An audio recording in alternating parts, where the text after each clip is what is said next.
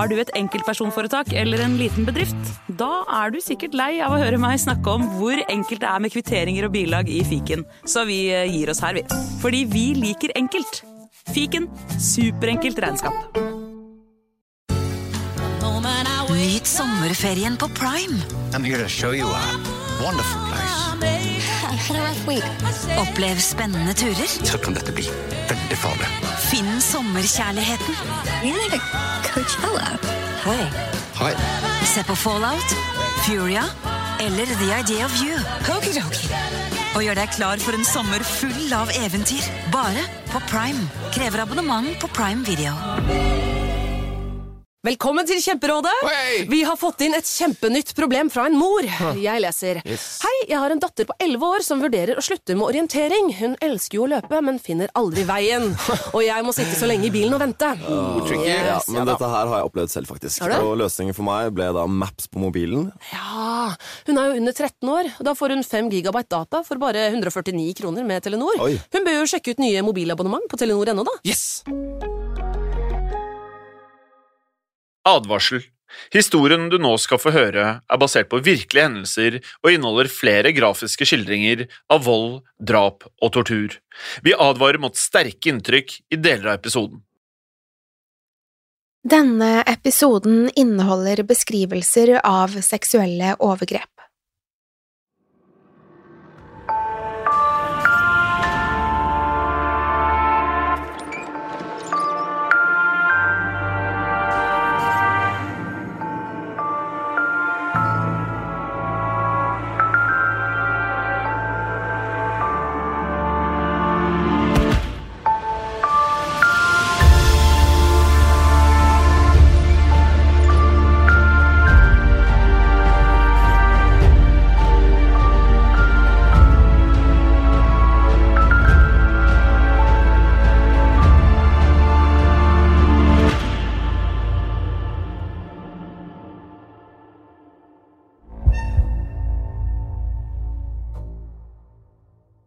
Jersey er en liten øy i Den engelske kanal som ligger vest for Normandie. Øya er vanligvis et idyllisk og harmonisk sted, men fra slutten av 50-tallet og helt frem til 70-tallet levde lokalbefolkningen i konstant frykt. Jersey ble nemlig terrorisert av et beist som kidnappet og forgrep seg på barn og unge kvinner. Det var den 17. juni 1971, og det nærmet seg midnatt.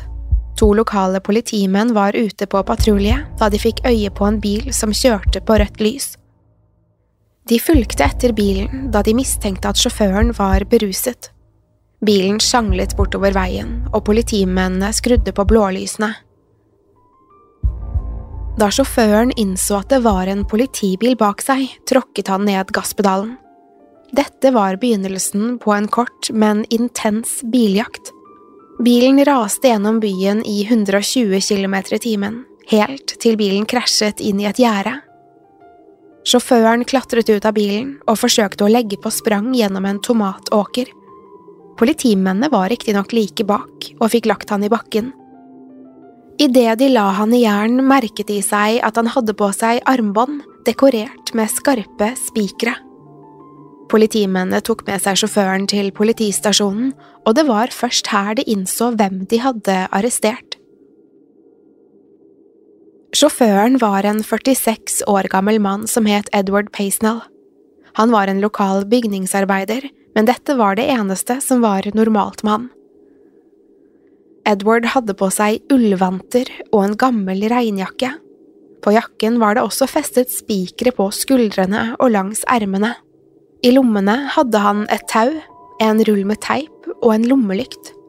Lommelykten var delvis dekket med teip, så den kun ga fra seg en tynn lysstråle. I tillegg til dette hadde han med seg en sixpence i ull og en parykk av mørkt, flokete hår. I en av jakkelommene fant de også en grotesk, hjemmelaget gummimaske. Det var umiddelbart noe ubehagelig med denne mannen, og lignet nesten den ikoniske masken til Mike Myers, kjent fra Halloween-filmene. Politimennene begynte nå å mistenke at mannen de akkurat hadde arrestert, var det beryktede beistet fra Jersey. Edvard hadde fremdeles biter av tape i ansiktet, og politimennene forsto at han nylig hadde tatt av seg masken. Da de begynte å stille spørsmål om det underlige antrekket, fortalte Edvard en like merkelig historie. Edvard hevdet at han var en del av en religiøs kult. Han fortalte at gruppen hadde flere mektige og innflytelsesrike medlemmer, men at alle skjulte seg bak masker. Edvard hevdet at han var på vei til en orgi da han ble arrestert. Han hadde lånt en bil for å ikke avsløre sin identitet, og innrømmet at han hadde kjørt for fort fordi han var forsinket. Politiet var allerede skeptiske, men denne forklaringen gjorde bare vondt verre. Edvards historier ble stadig merkeligere. Han hevdet blant annet at alle spikrene var for å beskytte han mot angrep fra kampsporteksperter. Politimennene kjøpte ikke historiene om satanistiske sexkulter og hemmelige samfunn. De bestemte seg umiddelbart for å arrestere Edvard. Med Edvard i varetekt bestemte de seg for å undersøke hjemmet hans, og mistanken skulle igjen øke så snart de fikk øye på huset. Edvard bodde i et eget anneks som var bygget inntil huset der resten av familien hans holdt til. Da politiet snakket med hans kone, forsto de at Edvard og Joan levde separate liv. Selv om de fremdeles var gift, bodde Edvard for seg selv i annekset. De hadde ikke lenger noen intim relasjon, og Joan fortalte at Edvard generelt hadde virket uinteressert i sex. Etterforskerne bestemte seg for å undersøke annekset i håp om å finne flere bevis mot Edvard. De fant ikke umiddelbart noe utenom det vanlige, men snart oppdaget de et lite, hemmelig rom. Da de åpnet døren, ble de møtt av en muggen, innestengt lukt, og inne i det lille rommet fant de det de lette etter. Politiet fant enda en regnjakke, så vel som en treningsdress. Begge var synlig tilgriset, og det ble senere oppdaget både sæd og andre kroppsvæsker. I det skjulte rommet fant de også flere hatter og parykker med matchende øyenbryn. De fant et kamera med flere bilder av hus. Det var også bøker og andre gjenstander som ble knyttet til satanisme og svart magi. I et av hjørnene, skjult bak et rødt forheng, hadde Edward bygget et slags alter, og på veggen over alteret hang det et stort, buet sverd. Etterforskerne konfronterte Edward med de merkelige funnene, og han begynte å fortelle om sin fascinasjon for det okkulte. Han var i tillegg besatt av en annen synder, Gilles Duré. Vi har tidligere fortalt historien om Duré i Synderne, en mann som står igjen som en av verdenshistoriens verste og mest brutale barnemordere. Fortellingene sier at han på 1400-tallet kidnappet, torturerte og drepte hundrevis av barn. Duré skal i likhet med Edward ha vært fascinert av det okkulte. Edward var selv overbevist om at han var en fjern slektning av Gilles Duré. Politiet på Jersey hadde mottatt meldinger om fryktelige overgrep helt siden 1957. Beistet begynte først å angripe enslige kvinner på kveldstid. Stort sett ble de overfalt da de sto alene og ventet på bussen. Angrepene skjedde på avsidesliggende steder, så ingen kunne høre dem når de ropte om hjelp. Kvinnene ble dratt med til jorder eller åkre hvor de fikk tau knyttet rundt halsen. Deretter begynte de brutale overgrepene. Mellom 1957 og 1959 ble minst fire kvinner overfalt på denne måten. Angrepene virket helt tilfeldige, og det var ingen åpenbar kobling mellom ofrene. Enn så lenge var det umulig for politiet å vite om det var snakk om én eller flere gjerningspersoner. Men snart skulle overgrepene bli langt mer sadistiske. Gjerningspersonen angrep ikke lenger bare på mørke landeveier, og innbyggerne begynte nå å fortelle skrekkhistorier om beistet fra Jersey. Frem til 1960 hadde ofrene vært kvinner i 20- og 30-årene, men den 14. februar ble en tolv år gammel gutt angrepet i sitt eget hjem. Han ble dratt ut av huset hvor han fikk et tau knyttet rundt halsen. Deretter ble han også utsatt for grove seksuelle overgrep. Tre uker senere sto en ung kvinne og ventet på en buss. Snart stanset en bil like ved holdeplassen, og mannen bak rattet begynte å prate til henne. Sjåføren hevdet å være en lege som var på vei for å hente sin kone.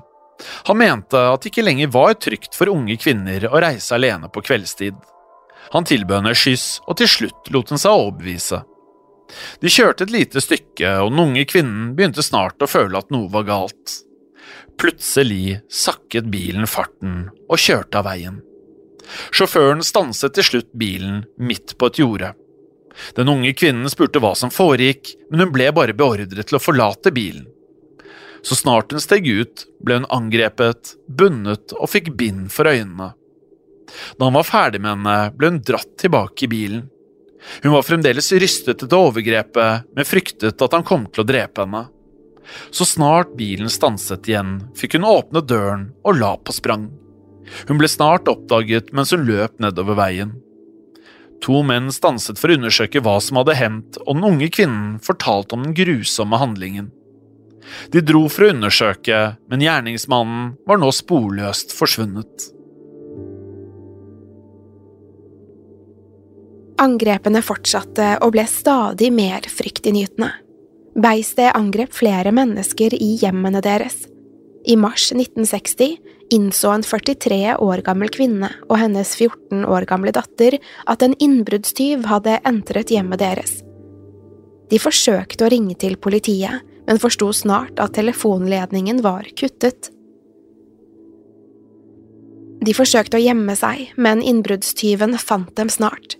Han grep kvinnen og truet med å drepe henne dersom hun ikke ga ham en større sum penger. Hun klarte å bryte seg løs og ropte til datteren at hun skulle gjemme seg på rommet sitt og låse døren. Kvinnen stormet ut av huset for å kontakte politiet. Da hun kom tilbake, hadde innbruddstyven forsvunnet.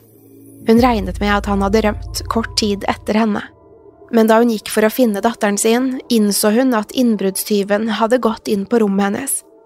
I de få minuttene hun hadde vært borte, hadde han rukket å voldta den 14 år gamle jenta. En måned senere ble nok en 14 år gammel jente angrepet av beistet. Hun våknet midt på natten og så at det var et annet menneske på rommet hennes. Det var riktignok ikke et vanlig ansikt som stirret tilbake på henne. Over henne sto en mann i en grotesk, hjemmelaget maske. Den løse gummien fikk det nesten til å se ut som ansiktet hans holdt på å smelte. På hodet hadde han en parykk med flokete krøller som falt over pannen. Hun slapp ut et skrik så snart hun så han, og den maskerte mannen rømte før han rakk å gjøre noe. Ikke lenge etter ble en åtte år gammel gutt kidnappet fra sitt eget hjem. Han beskrev også en maskert mann i regnjakke, dekket av skarpe spikere. Selv om metodene hadde endret seg, var det flere likhetstrekk med de tidligere overgrepene. Ofrene ble alltid bundet og brakt til en åker hvor de seksuelle overgrepene fant sted. Da den maskerte mannen var ferdig med åtteåringen, ble han kjørt tilbake og etterlatt utenfor sitt eget hjem. Overgrepene fortsatte over det neste året, og gjerningsmannen fortsatte å angripe unge barn som han kidnappet fra hjemmene deres. Det hadde gått tre år siden overgrepene startet, men politiet hadde ingen anelse om hvem som sto bak. De hadde avhørt utallige menn og pratet med alle tidligere straffedømte på Jersey.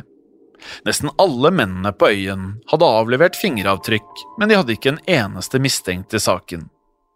De lokale politistyrkene måtte til slutt innrømme at de ikke visste hvordan de skulle komme til bunns i saken.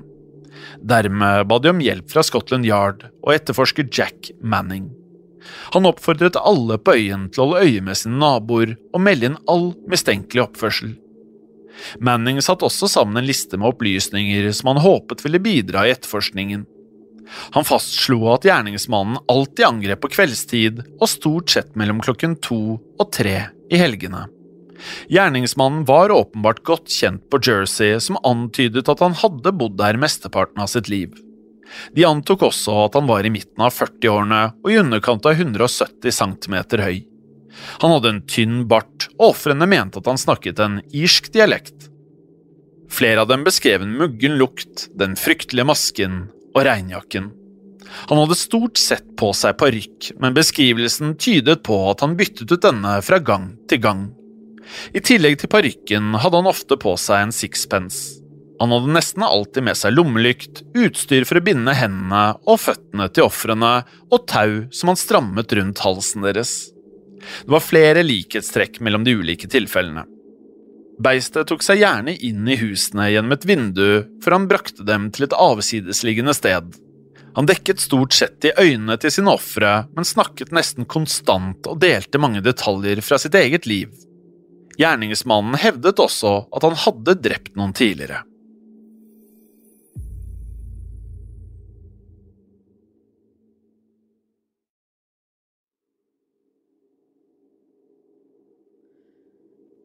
Politiet identifiserte etter hvert en mistenkt i saken. Alphonse Le Gasteloy var en lokal eremitt som ofte gikk turer om kvelden i regnjakken sin. Selv om dette var tynt grunnlag for å bli mistenkt, begynte politiet å bli desperate. Alphonse ble anholdt og avhørt i timevis. Til slutt måtte likevel etterforskerne innrømme at de ikke hadde nok til å sikte han for overgrepene. Lokalbefolkningen fant snart ut at han hadde blitt arrestert, og kunne ikke begripe at han hadde blitt sluppet fri. Alle viste sin forakt mot det de antok var beistet fra Jersey. Alfons fikk ikke gå i fred på gatene, og huset hans ble satt fyr på kun fordi han likte å gå tur i regnjakken sin. Lokalbefolkningen innså først at han var uskyldig da angrepene fortsatte, selv etter at Alfons hadde forlatt Jersey. Det virkelige beistet fikk fremdeles gå fri. Edward Paisnell var nemlig en av 13 menn på øya som ikke hadde avgitt fingeravtrykk. Overgrepene fortsatte, men angrepene var ikke like hyppige etter at Scotland Yard hadde blitt involvert i etterforskningen. Det kunne gå flere måneder mellom hvert tilfelle, men det kom fremdeles rapporter om brutale overgrep helt frem til 1966. Plutselig mottok politiet et brev fra en mann som hevdet at han var beistet. Brevet var fullt av skrivefeil, men politiet utelukket ikke at det var skrevet av gjerningsmannen. I brevet skrev han at politiet kastet bort tiden, og at de aldri ville fange ham. Da en 15 år gammel jente ble overfalt i august 1966, ble det oppdaget kutt og sår over hele kroppen hennes. De mange skadene forvirret etterforskerne, som ikke forsto hvordan de hadde oppstått. Det var først da Edvard ble arrestert at de innså at disse stammet fra de mange spikrene han hadde festet i klærne sine. Edvard hadde gjemt seg i buskene utenfor huset hennes, men jentene hadde fått øye på han og lagt på sprang. Han tok henne snart igjen og fikk lagt henne i bakken. Hun kjempet desperat imot, men han klarte å dra henne med seg til en åker. Her rev han av henne klærne før han igjen kastet seg over henne. De mange spikrene skrapte mot huden, men ingen kunne høre hennes desperate rop om hjelp. Underveis skal Edvard ha truet henne. Han skal blant annet ha skrytt av hvor enkelt det er å drepe en kvinne. Det ble 1970, og innbyggerne av Jersey fryktet fremdeles beistet. I august ble nok et barn, denne gangen en 13 år gammel gutt, kidnappet fra hjemmet sitt. Fremgangsmåten var den samme. Han ble tatt og deretter dratt med til en åker. Her ble han seksuelt misbrukt av en fremmed mann og deretter sendt hjem igjen. Før han slapp gutten fri, truet Beistan med konsekvensen av å fortelle om hva som hadde skjedd. Dersom gutten snakket med politiet, ville han drepe både gutten og foreldrene. Foreldrene forsto umiddelbart at noe hadde skjedd med sønnen deres. Han var tydelig oppskaket, men han var livredd for at beistet ville returnere og skade foreldrene. De fortsatte å spørre om hva som var galt, og til slutt delte gutten den grusomme historien. Beistet hadde nå spredd frykt på øyen i over et tiår, men hans terrorvelde skulle snart ta slutt. Den 13 år gamle gutten skulle bli hans siste offer. Edward Paisnell presenterte en rekke forklaringer til politiet. Til tross for en overveldende mengde bevismateriale nektet han likevel for at han var beistet. Fotografiene de fant i det skjulte rommet i annekset, tydet på at Edward ikke hadde valgt ofrene sine tilfeldig. Han hadde tatt bilder av hjemmene deres og studerte tilsynelatende ofrene over lang tid. Han visste hvor og når han skulle slå til for å sikre at han ikke ble avslørt. Edward hadde også forsøkt å villede etterforskerne og endret ofte utseende og fremtoning. Han snakket med tilgjorte aksenter og skiftet ofte ut parykkene han hadde på seg. Den fryktinngytende masken gjorde det også vanskelig for ofrene å gi en god beskrivelse av utseendet hans. Han var tilsynelatende svært nøye med hva han gjorde foran ofrene sine, og forsøkte å fremstå som en ny person hver gang. Politiet var uansett sikre på at de hadde arrestert rett mann, og all denne planleggingen hadde samtidig overbevist politiet om én ting – Edward Paisnell var ikke sinnssyk. Metodene hans var organiserte og nøye planlagte, og disse handlingene pekte på at han var tilregnelig. Edward ble beskrevet som en slu, utspekulert og avskyelig mann som ikke viste noen spor av anger eller empati for sine ofre. Juryen var heller aldri i tvil. Han ble siktet og dømt for seks av overgrepene, og dømt til å sone 30 år. Til tross for de grusomme forbrytelsene ble Edward beskrevet som en mønsterfange. Hans gode oppførsel bak murene ledet til at han slapp ut etter kun å ha sonet 20 år. Da han igjen var en fri mann, forsøkte han å dra tilbake til Jersey, men han ble raskt bannlyst av innbyggerne på den lille øya. Edward bosatte seg i stedet på Isle of Wight, hvor han ble værende frem til sin død i 1994. Edward er offisielt knyttet til 13 overgrepssaker, men politiet frykter at det i realiteten er snakk om langt flere ofre. Han var i utgangspunktet mistenkt for kidnapping og voldtekt, men etterforskerne på øya fikk etter hvert grunn til å tro at dette kun var toppen av isfjellet. I 2008, 14 år etter Edvards død, ble det gjort et sjokkerende funn på Jersey. I et tidligere barnehjem ble det oppdaget noe som lignet biter av en hodeskalle, så vel som mennesketenner og andre benrester.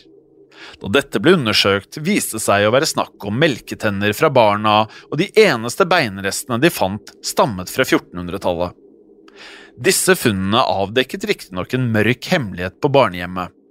Selv om ingen hadde blitt drept, kom det frem historier om overgrep og mishandling.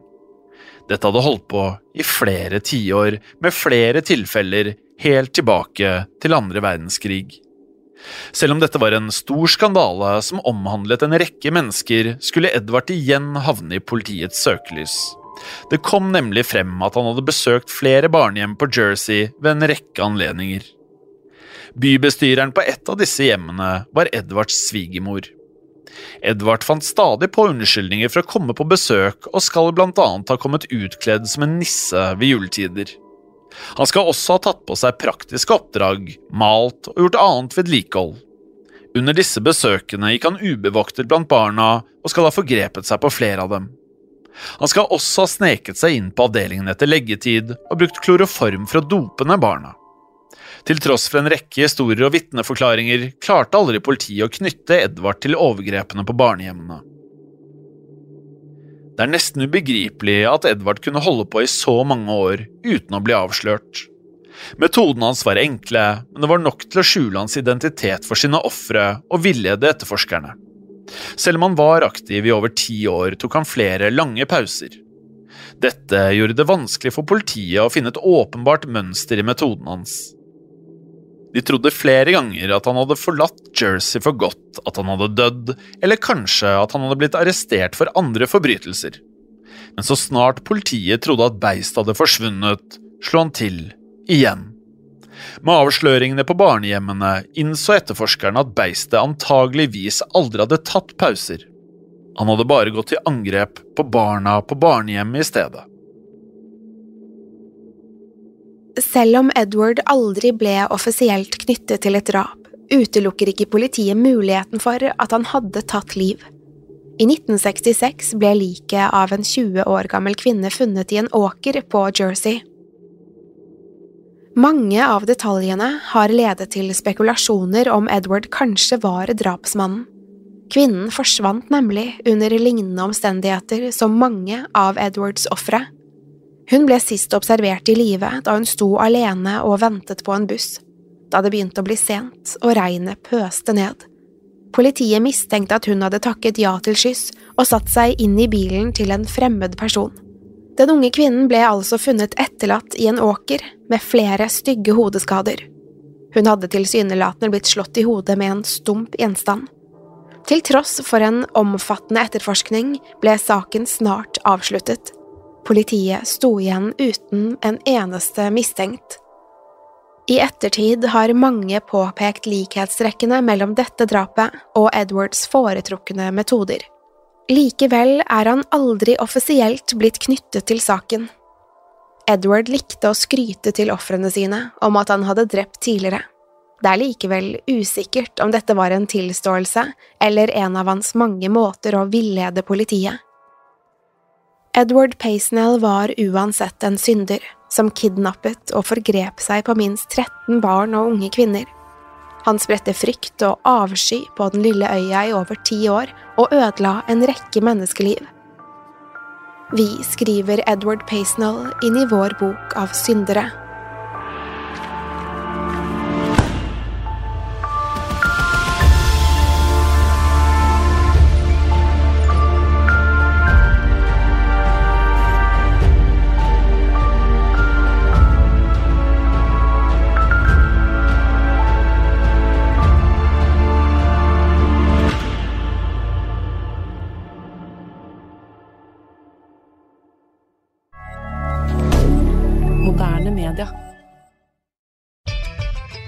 Er det enkelt nok for kundene dine å betale? Med betalingsløsninger fra Svea kan du tilby samme fleksible løsning på nett og i fysisk butikk. Svea vår jobb, din betalingsløsning. Enklere, raskere.